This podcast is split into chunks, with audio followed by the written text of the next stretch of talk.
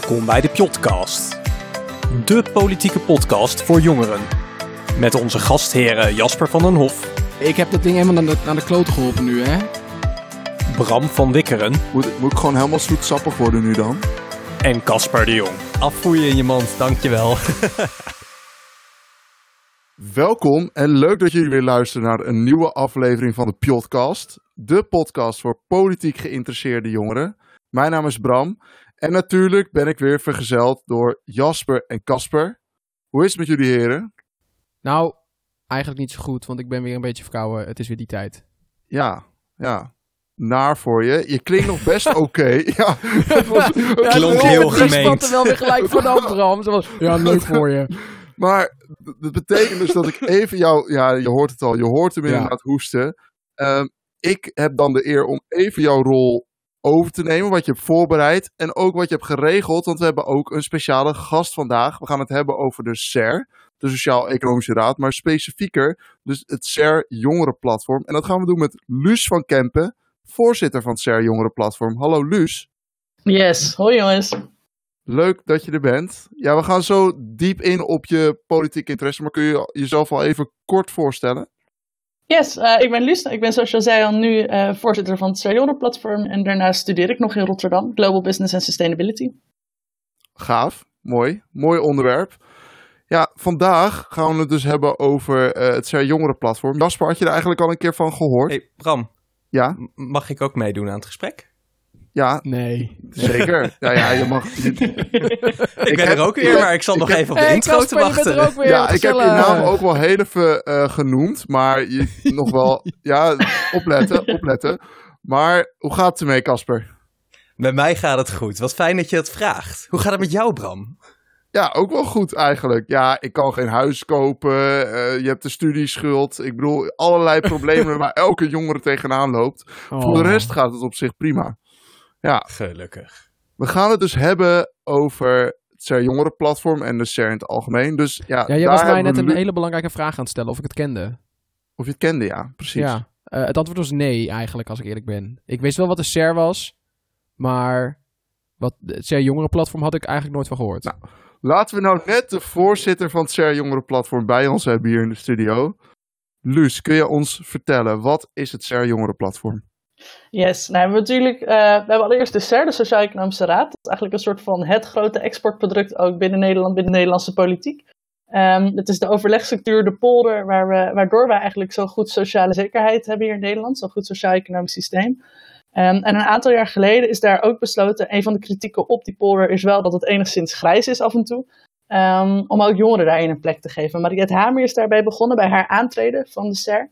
Ehm, zij is nu de huidige voorzitter van de Sociaal-Economische Raad. En zij had, is zelf ooit begonnen als voorzitter van de Landelijke Studentenvakbond weer. Dus zij heeft altijd al zich bezig gehouden met de positie van jongeren. Toen kwam ze in die polder en dacht ze, hier moeten we ook iets creëren voor jongeren. En zo zijn ze eh, het jongerenplatform begonnen. Maar jij zegt, eh, de SER is, eh, wat was het ook alweer, het, eh, het Grootste exportproduct exportproduct, ja. van Nederland, eh, de polder. Maar wat, wat, wat wordt er dan gepolderd? Nou, wat er wordt gepolderd is bijvoorbeeld al onze cao's komen uit de polder vandaan. Eh, het pensioenakkoord, het klimaatakkoord komt daar vandaan. Eh, IMVO-verdragen, dus dat gaat over internationaal maatschappelijk verantwoord ondernemen. Eh, daar zitten allemaal sectoren in. En waarom ik zeg, want het is een exportproduct, we zien steeds meer andere landen die eigenlijk een soort van jaloers kijken naar hoe wij in Nederland dat geregeld hebben. Dus hoe in Nederland de werkgevers en de werknemers bij elkaar komen en samen dit soort zaken regelen. Ja, dat is wel gaaf, hè? Dat, dat inderdaad, wat je noemt, is een exportproduct. En in het buitenland, als je dan vaak zo'n groepje hebt, in Europa of zo, dan moet er wat geregeld worden. Wie is dan vaak het land die dat leidt of dat een beetje bij, bijeenbrengt? Dus dat heel vaak dat er Nederlanders voor, voor worden gevraagd, omdat ze zo, ja, die poldercultuur zo geworteld is. Mhm. Ja, dat is wel cool. Maar eh, dus, je noemde iets over maatschappelijk verantwoord ondernemen. Daar maken we zelfs ook afspraken over in de polder. Ja, zelfs daar maken we afspraken over de polder. Dus bijvoorbeeld laatst is er een convenant eh, van de sierteelt gesloten. En daar komt eigenlijk iedereen in de sierteeltketen komt bij elkaar en besluit van nou wat gaan wij nou doen om internationaler of internationaal maatschappelijk verantwoord te ondernemen. Ehm, dus dan kan je denken aan wat zijn eigenlijk de benchmarks die we toepassen, hoe doen we onze afspraken, ehm, wat vinden we zelf de standaarden. Dus dat is allemaal heel technisch, maar de polder is dus meer dan alleen maar dat stukje bijvoorbeeld pensioendiscussie wat we in het nieuws meekrijgen. Ja, Maar je zei de zuurteelt? De sierteelt. Mooie bloempjes. Ah, oh, oké. jongen, ik, Ja, echt, dat ik had echt al een idee stuk van wat leuker. het was.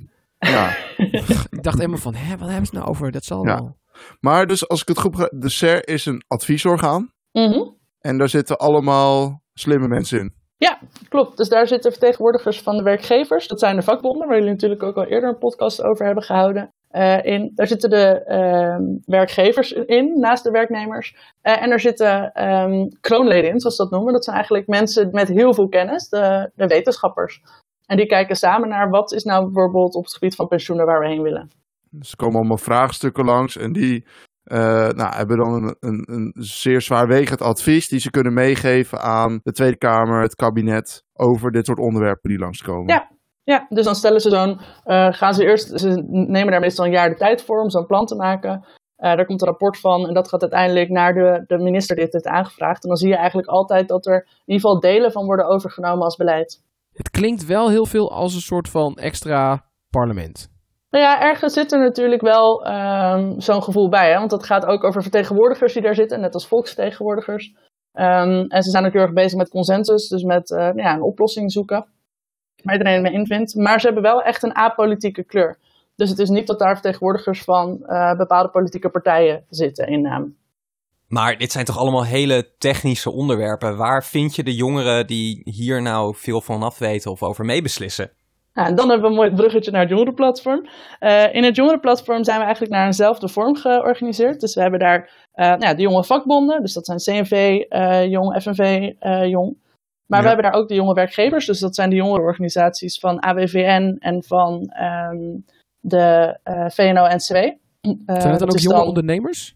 ja, dat zijn jonge ondernemers. Dus die zitten daar ook in. En jonge HR-managers, jonge werkgevers.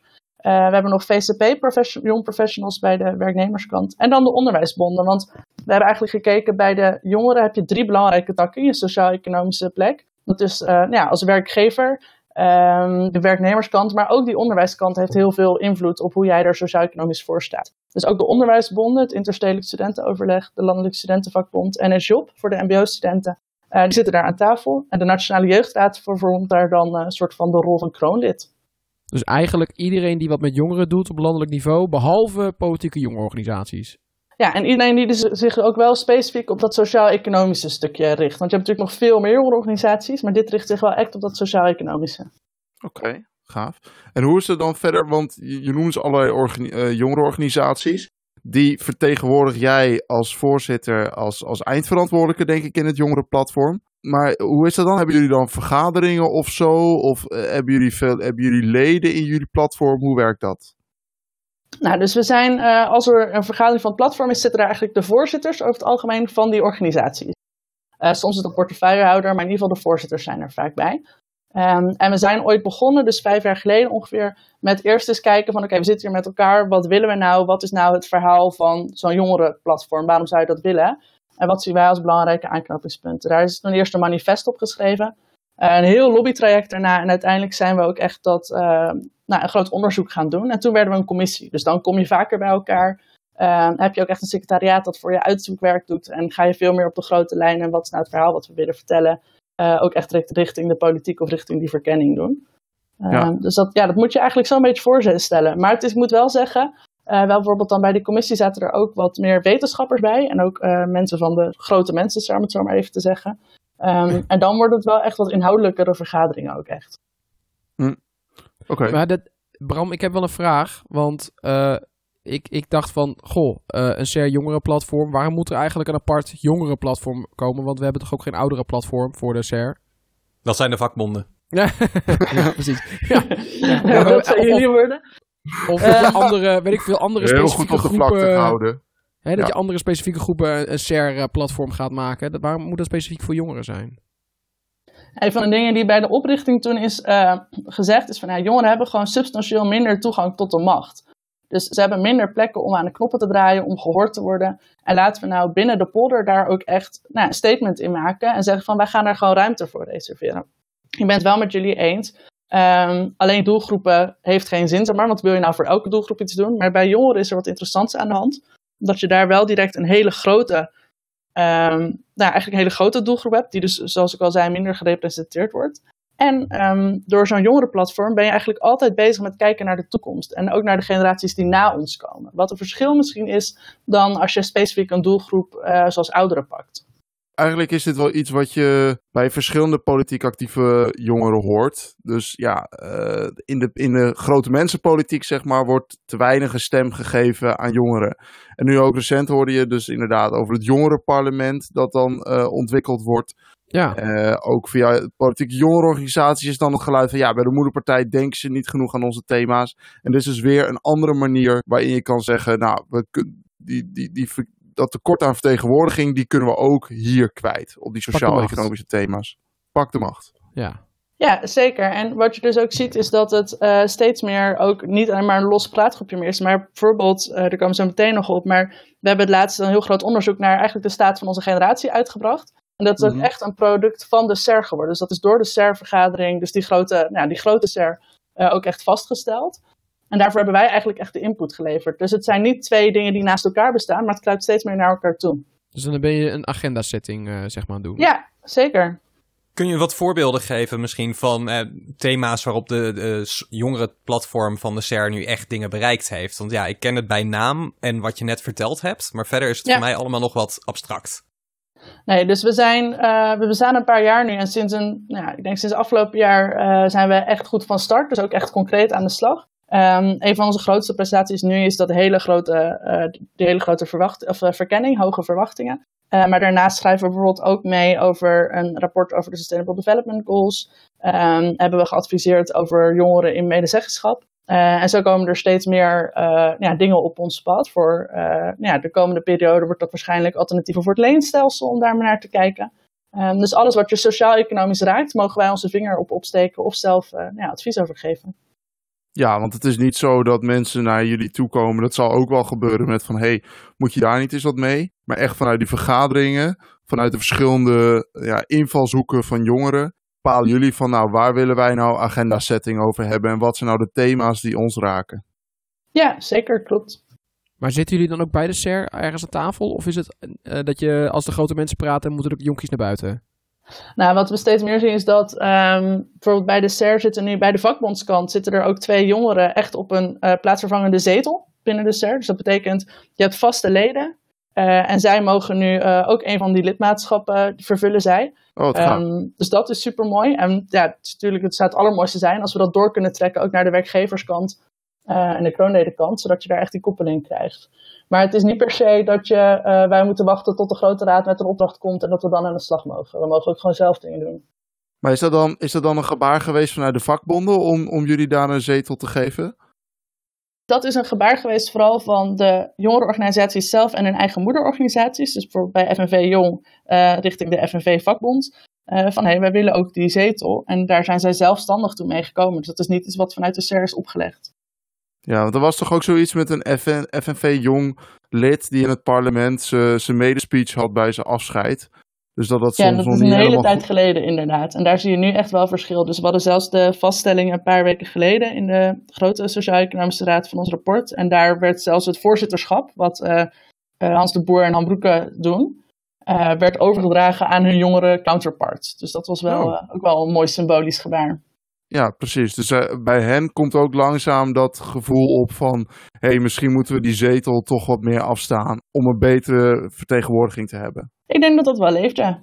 Nou, dat is mooi om te horen. En wat is er nog voor nodig om ook die zetel van werkgevers te kunnen vervullen in, eh, in, de, in de SER?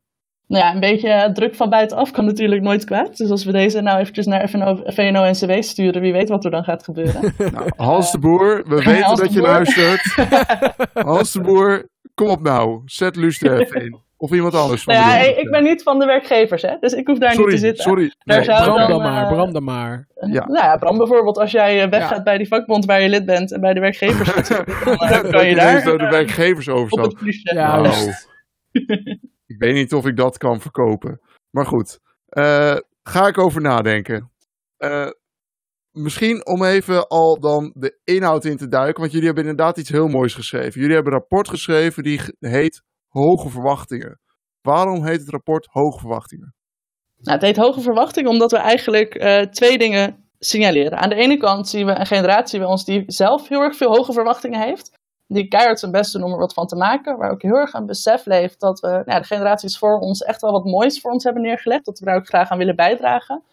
Uh, maar ook dat er hoge verwachtingen vanuit de maatschappij op ons gelegd worden. Dus ook daar zit een stukje prestatiedruk in. Um, maar ook als je kijkt naar hoe we op dit moment beleid maken, dat heel veel problemen worden doorgeschoven, ook bijvoorbeeld het klimaatakkoord, zijn er best wel hoge verwachtingen voor onze generatie om dat allemaal wel op te lossen. Dus vandaar een beetje die, uh, nou, vandaar die titel. Mooie titel. Wat zijn dan, wat zijn dan een beetje thema's, waar, waar zie je dat dan heel erg duidelijk terug, zo'n hoge verwachting? Um, nou ja, een van de dingen waar je het heel erg terugziet, is de algemene onzekerheid die er gewoon onder jongeren leeft. Uh, dus dat zegt van ja, ik wil wel heel graag, maar um, ik ben bang dat het niet lukt en ik stel dingen uit. Dus we zien bijvoorbeeld dat het krijgen van je eerste eigen woning enorm uitgesteld wordt. Uh, het starten van een gezin stellen jongeren met jaren uit. Uh, wanneer je eerste eigen baan krijgt, wordt enorm uh, uitgesteld. Terwijl wel diezelfde uh, wensen er zijn als nou ja, voor onze ouders bijvoorbeeld. Het, het, we hebben ook een onderzoek gedaan naar hè, wat zijn dan die verwachtingen die je hebt, of wat zijn die wensen die je hebt. En die verschillen niet zoveel. Eigenlijk hele normale wensen als gewoon een dak boven je hoofd en een leuke baan. Ik herken wel van die uh, NOS-artikeltjes waar dan inderdaad staat van nou goh, jongeren die starten nu pas later met bijvoorbeeld het, het zichten van een ja. gezinnetje of met kinderen. Maar jij zegt van dat is echt uit soort van noodzaak. Want ik kan me ook voorstellen dat gewoon mensen nu zeggen van nou goh, ik wil eerst even wat carrière maken en dat komt later wel. Dat is hoe ik er zelf in sta. -hmm. uh, ik denk dat je daar verschillende groepen hebt. Dat zijn natuurlijk hele persoonlijke overwegingen. Maar over het algemeen hoor je wel, ook in de gesprekken die we hebben gevoerd, dat er veel onzekerheid speelt. En dat bijvoorbeeld alles hangt met elkaar samen. Dat is ook een van de analyses die we doen. Uh, dat jongeren later een gezin starten, omdat zij gewoon niet de woonruimte hebben waar je een gezin kan starten. Uh, nou ja, als jij die woningmarkt niet opkomt en niet een babykamer hebt, of in ieder geval de ruimte om een baby op te voeden, ga je ook niet aan dat gezin beginnen. Of als je denkt van ja, ik heb dat geld nog niet om de kinderopvang te kunnen betalen, uh, daar moet ik eerst nog een keer promotie voor maken. Ook dan stel je weer je uh, gezin uit. Ja, dat zijn dus allemaal dingen die je, die je tegenkomt. Want jullie hebben gesprekken gevoerd met jongeren of hebben jullie een enquête gehouden? Uh, allemaal. Dus we hebben aan de ene kant hebben we eigenlijk al die onderzoeken, ook die staatjes die jullie net al van bij, op NOS bijvoorbeeld. Het was een heel groot onderzoek van het Centraal Bureau voor de Statistiek. Al die cijfers hebben we bij elkaar gezocht en gekeken naar wat zien we daar nou eigenlijk gebeuren. Hè? Welke beleidsmaatregelen zitten daar ook onder. we hebben een grote enquête uitgevoerd met Kantar, het grote onderzoeksbureau. Uh, en we zijn daarnaast zelf ook gewoon het land ingekomen. Want we dachten wel, ja, leuk die polder en leuk dat mooie gebouw in Den Haag. Maar laten we alsjeblieft niet alleen maar in die bedompte vergaderzaal blijven zitten. Met alle respect voor het mooie pand. Um, maar ook de verhalen zelf ophalen. Dus we zijn ja, bijvoorbeeld bij MBO-studenten geweest, bij jonge ondernemers, bij jonge starters op de arbeidsmarkt, jonge werkenden. En eigenlijk al die lagen op de universiteit. Om gewoon te horen van, hé, hey, hoe zie jij dat nou? En is het inderdaad ook echt wat er speelt? Of is het alleen maar de analyse die wij vanuit de polder doen? Ja, wel echt heel gaaf. Heel waardevol om, om die informatie uh, op te halen. Ja, Bram, ik heb er nog wel een vraag over. Want uh, volgens mij was een van de dingen die eruit kwam... was dat het leenstelsel uh, natuurlijk een beetje op de hak genomen wordt. Nou, ik heb dat recentelijk in de politiek... volgens mij is het nu populair om het leenstelsel niet zo, niet zo cool te vinden. Um, maar dan denk ik tegelijkertijd... volgens mij bestaat dat leenstelsel nog maar een paar jaar. Hoe kunnen we daar nu al de effecten van meten? Je hebt gelijk daarin, hè. Dus het leenstelsel zelf is niet...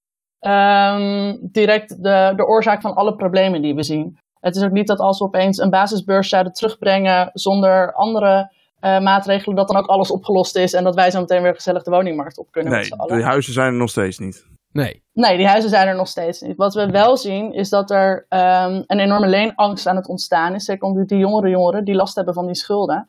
En dat die schulden daar ook echt wel toenemen. Dat je bijvoorbeeld ook jongeren ziet die steeds minder doorstromen. Dus dat de doorstroom MBO-HBO of HBO-WO veel minder wordt. Um, en je hebt gelijk, dat is nog maar een, een, relatief klein cohort. Maar wel waarvan we zeggen van nou, nu kunnen we nog op de rem trappen zonder al te veel schade. Maar als je dat nog vijf à tien jaar laat doorgaan, dan heb je een nog groter probleem. Ja, je wilt bijsturen. Ja, je wil eigenlijk nu wil je zeggen van hoe kunnen we dit repareren en hoe kunnen we het voorkomen. Dat hele leenstelsel is natuurlijk sowieso interessant, omdat dat heel erg vanuit de onderwijskoker is gekomen. Hè, wat op zich ook logisch is met een eigen onderwijsrationaliteit, waarvan ik kan zeggen, ja, het ligt uit politieke kleur, maar investeren in je eigen studie en de bakker moet niet betalen voor uh, de tandarts, zeg maar, kan logisch zijn.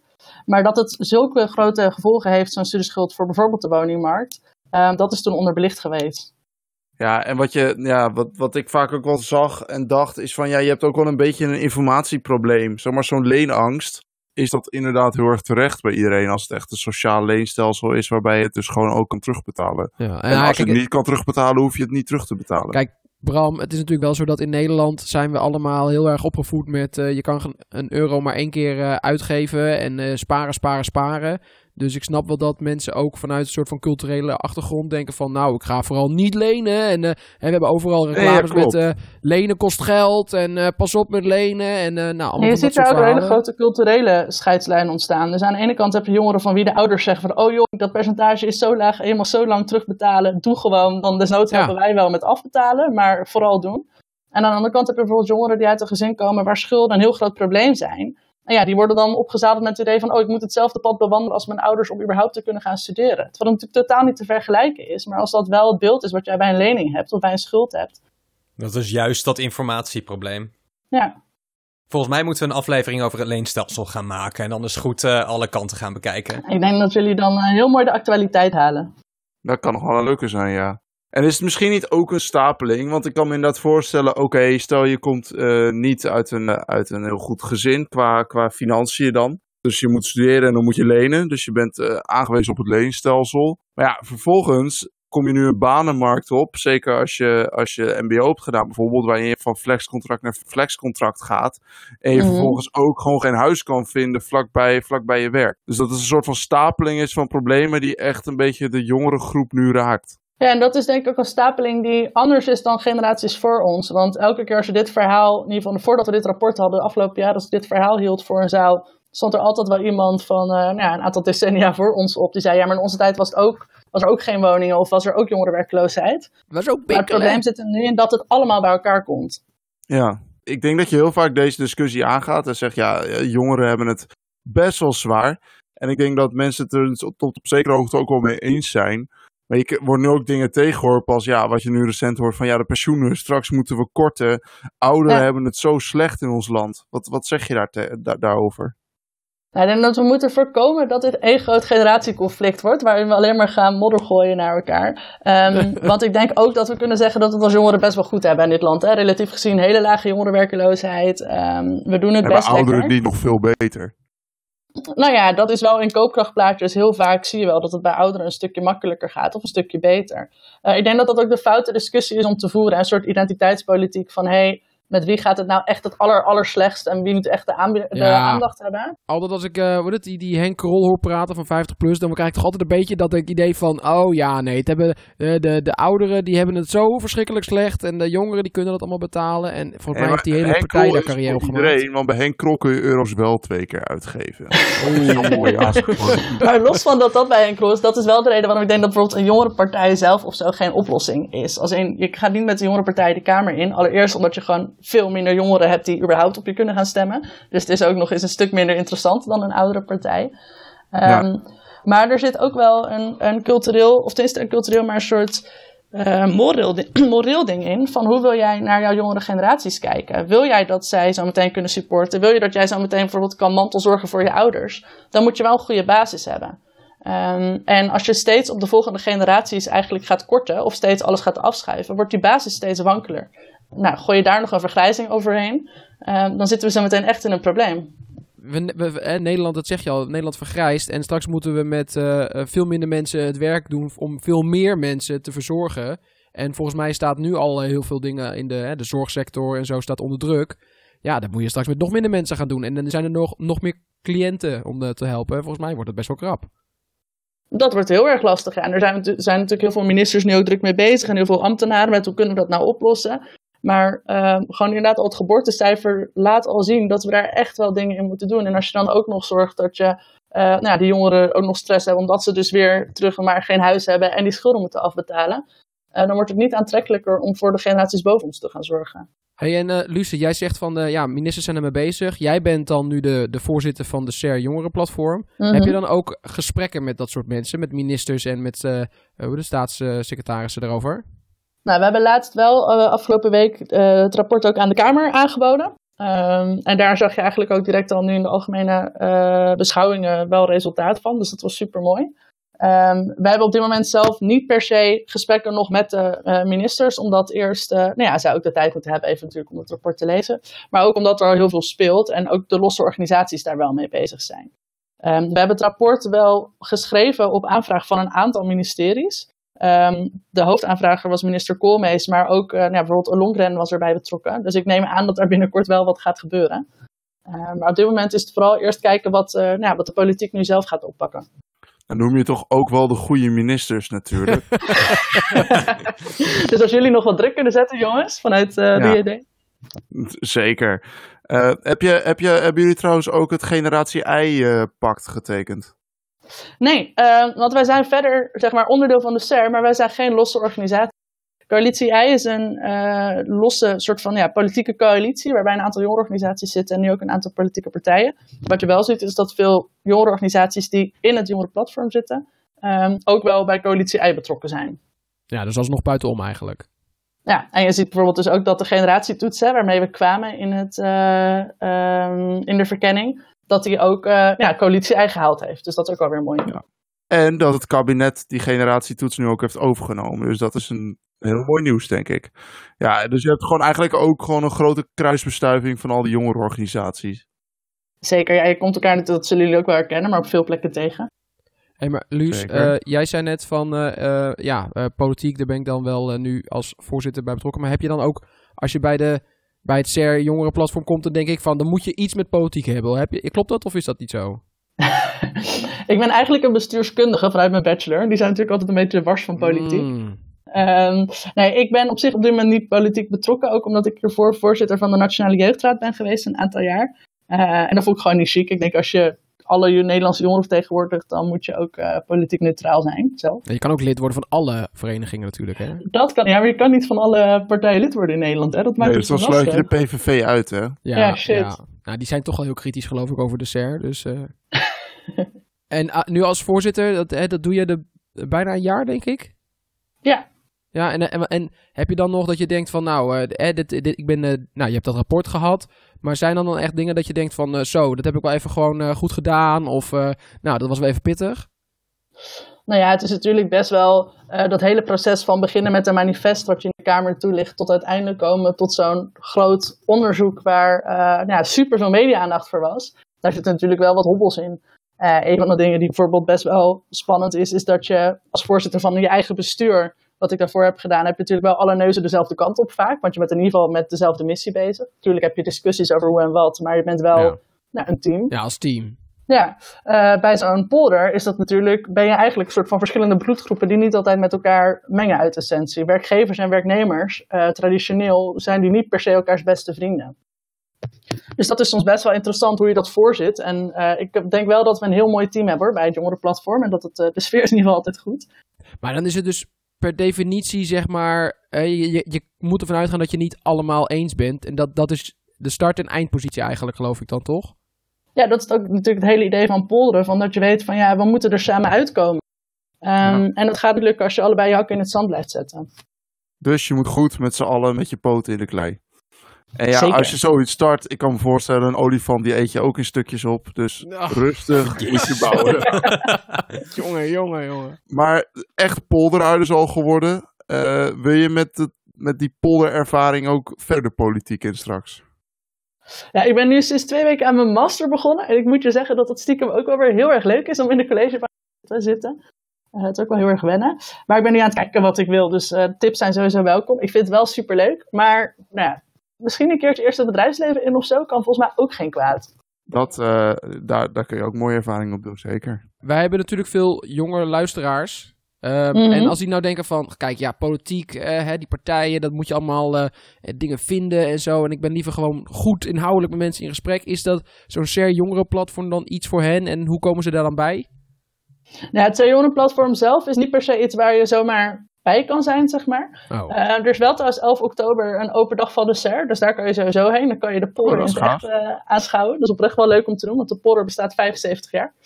Ehm, maar eh, wat je natuurlijk wel kan doen, is actief worden bij een van die organisaties die erin zitten. Dus dat zijn natuurlijk die vakbonden, maar ook jonge ondernemers. Die ehm, denken van, nou weet je, eigenlijk met al die nieuwe maatregelen die er op ondernemingen worden ge- genomen nu, wil ik me ook wel hard maken. Sluit je aan bij jong management of bij jong AWVN. Ehm, dat zijn wel manieren om uiteindelijk ook daar actief te worden. Ja, dus als je heel erg eh, fan bent of tegenstander bent van de, weet ik veel, wat is het, vennootschapbelasting, dan eh, moet je Zeker, verenigt u. Ja, of iets over de rekenrente vindt. Vinden jullie iets over de rekenrente? Nee, Er moet rekening mee gehouden worden. Belangrijk, ja. precies. Oké, wat, uh, wat zijn, want jullie hebben een advies en jullie schrijven zo'n rapport. Hebben jullie nou ook echt dingen voor jullie zelf op de politieke agenda? Van nou, uh, dit zijn nog beleidsdingen die wij willen aanvallen of willen veranderen? Of, of hebben jullie nu vooral aan agenda setting gedaan en willen jullie het ook daarbij houden? Kijk, dit was de eerste keer dat er zo'n grootschalig onderzoek is gedaan naar onze generatie. En dat het niet alleen maar op, oh ja, wat is de situatie van studenten of wat is de situatie van jongeren op de woningmarkt, maar alles bij elkaar. En dat maakt het soms wel nog een beetje vaag. Daar kan ik heel eerlijk over zijn. Van wat wil je daar dan mee? Uh, sowieso gaan we hem over twee jaar nu herhalen. Dus ik neem aan dat we dan uh, ook echt wel statements kunnen maken. Want dan kunnen we gewoon zien waar het beter of slechter gaat. Of dat ze naar ons geluisterd hebben. Um, heel concreet zijn er een paar dingen die we wouden bereiken, die generatietoets. Nou ja, daar wordt nu in ieder geval aan gewerkt. Um, alternatieven voor het leenstelsel gaan we mee aan de slag. Er moet echt concreet iets gebeuren op de woningmarkt. En met alleen maar bouwen, bouwen, bouwen. Om uh, nou ja, de voorman van D66 maar even te noemen, ga je dat ook niet halen. Dus daar zou, bijvoorbeeld ook, nou ja, daar zou bijvoorbeeld ook kunnen denken aan iets op bijvoorbeeld uh, de overdrachtsbelasting. Of het um, ja, doen aan meer oh. zelfbewoning in plaats van beleggers die uh, huizen opkopen. Ja, um, terecht. Dat zijn wel belangrijke suggesties die we doen. Voor beleggers. Super vervelend is dat zeg. Gewoon mensen die alleen maar uit Amerika komen, huizen kopen hier om het te verhuren. Het gaat helemaal nergens over. Ja. Goed. Die moeten ze eens aanpakken. Moest, ik moest ook even mijn gram halen, Bram. heel goed. Uh, We gaan ons best doen voor je, oké? Okay? Okay. Daar is dit platform dan weer geschikt voor, Jasper. Heel mooi, dankjewel. Mooi. Ik uh, denk dat we een hoop weten nu over wat het jongere platform doet van de SER. Uh, kunnen we denk ik ook langzaam naar een afsluiting toe. Dus nog even, we hebben, we hebben een beetje de rol van de SER en de rol van het jongere platform. Echt een adviesorgaan mm -hmm. daarbinnen om is echt die goede, goede jongere thema's aan te stippen. Dus de toekomst, uh, Luus, is om meer van dit soort onderzoeken te doen, meer invloed te hebben op beleid, meer dat jongerengeluid te laten horen. Vat ik het zo goed samen? Ik denk dat je een hele mooie samenvatting hebt gemaakt, ja. Mooi. En, en, natuurlijk wil je uiteindelijk ook wel toe naar echt een integratie. Hè? Want daar ben ik het wel met jullie eens. Als het alleen maar zo'n los clubje blijft, dan uh, is dat niet goed. Uh, je wil ook echt wel toe naar dat je uiteindelijk binnen die SER natuurlijk ook veel meer verjonging zelf hebt. Eigenlijk moet je jezelf overbodig maken. Ja, dat is uh, iedereen's missie, toch? Als je wegbezuinigd kan worden zonder dat het pijn doet, dan, uh, dan ben, heb je je missie gehaald. Ja, net als D66, hè? Ja, die willen onszelf ook overbodig maken, dan heffen we ook de boel op. Maar dus nog één keer, ja, eigenlijk moet je gewoon aan die tafel komen. Laten we nog één keer proberen, Hans de Boer, doe niet zo flauw. Zet ze nou gewoon even aan tafel. Gewoon even doen. Want de toekomst van jongeren is belangrijk. Wij gaan nog wel even mee. Laten we vooral onze stem horen. Dank aan Jasper en Casper. Jullie nog een afrondend woordje. Casper, ik zal je niet vergeten nu. Vertel. Yes, heel goed. Dankjewel. Nee, ik wil alleen gewoon nog heel even mijn stem uh, hier op de opname krijgen. Dat ik daar ook weer van kan genieten bij het monteren. Dat is al. En Luus natuurlijk heel erg bedankt. Yes, graag gedaan jongens. Kun je niet even oproep doen voor, uh, voor, wat, uh, voor wat delen acties of zo? Ja, de deelchallenge uh, heeft wel nieuwe luisteraars opgeleverd. We hebben de vorige aflevering bijvoorbeeld niet heel veel aan promotie gedaan, maar die werd toch goed beluisterd. Hmm. Dus uh, ja, de stijgende lijn zet door en dat is gewoon heel fijn. Nou, dat is mooi. Dus dat gaat ook gewoon de goede kant op. Luus, rest mij alleen nog maar om jou hartelijk te danken voor je deelname aan deze uh, podcast. En mensen kunnen jou vast ook wel volgen, want je bent nog heel even bezig, nog heel even actief mm -hmm. toch, bij het SER Jongeren Platform. Waar kunnen ze volgen wat je aan het doen bent? Yes, het makkelijkste is mijn Twitter en dat is uh, Luus V. Kempa. Okay. En mocht je nou, ik werk ook nog in een wijnwinkel. Mocht je nou geïnteresseerd zijn ook in wijn, dan kan je me op Instagram volgen. Uh, maar dat, uh, ik weet niet of dat, dat nou echt een heel slim idee is. Dat is voor een andere podcast ook. Nee, dit is, ik ben wel heel erg... ik ben nu wel... menselijk. Wijn is lekker. Oké. Okay. En misschien ook wel leuk, uh, de SER, als je geïnteresseerd bent in wat zij doen. Uh, de grote mensen SER met Hans de Boer, die uh, VNO-NCW vertegenwoordigt, die geen jongeren toelaat op de stoelen maar van de werkgevers. Maar voordat we nu Hans de Boer aan het bashen zijn. Ik moet wel zeggen, hij was tijdens de vergadering waar ons rapport werd vastgesteld, een van de meest gepassioneerde mensen in de ruimte over dat we echt wat voor onze generatie moeten doen. Um, dus daar krijgt hij dan ook wel de shout-out voor. Ah, kijk, Gesproken hij... als een ware polraar. dank, dank. Volg de SER, het Sociaal-Economische Raad. En als laatste natuurlijk, volg ons op Instagram, het Podcast. Ga een discussie hierover. Noem wat mooie jongere thema's. En dan hopelijk luisteren jullie weer de volgende keer naar deze podcast. Zeker. Tot de volgende keer. Tadaa!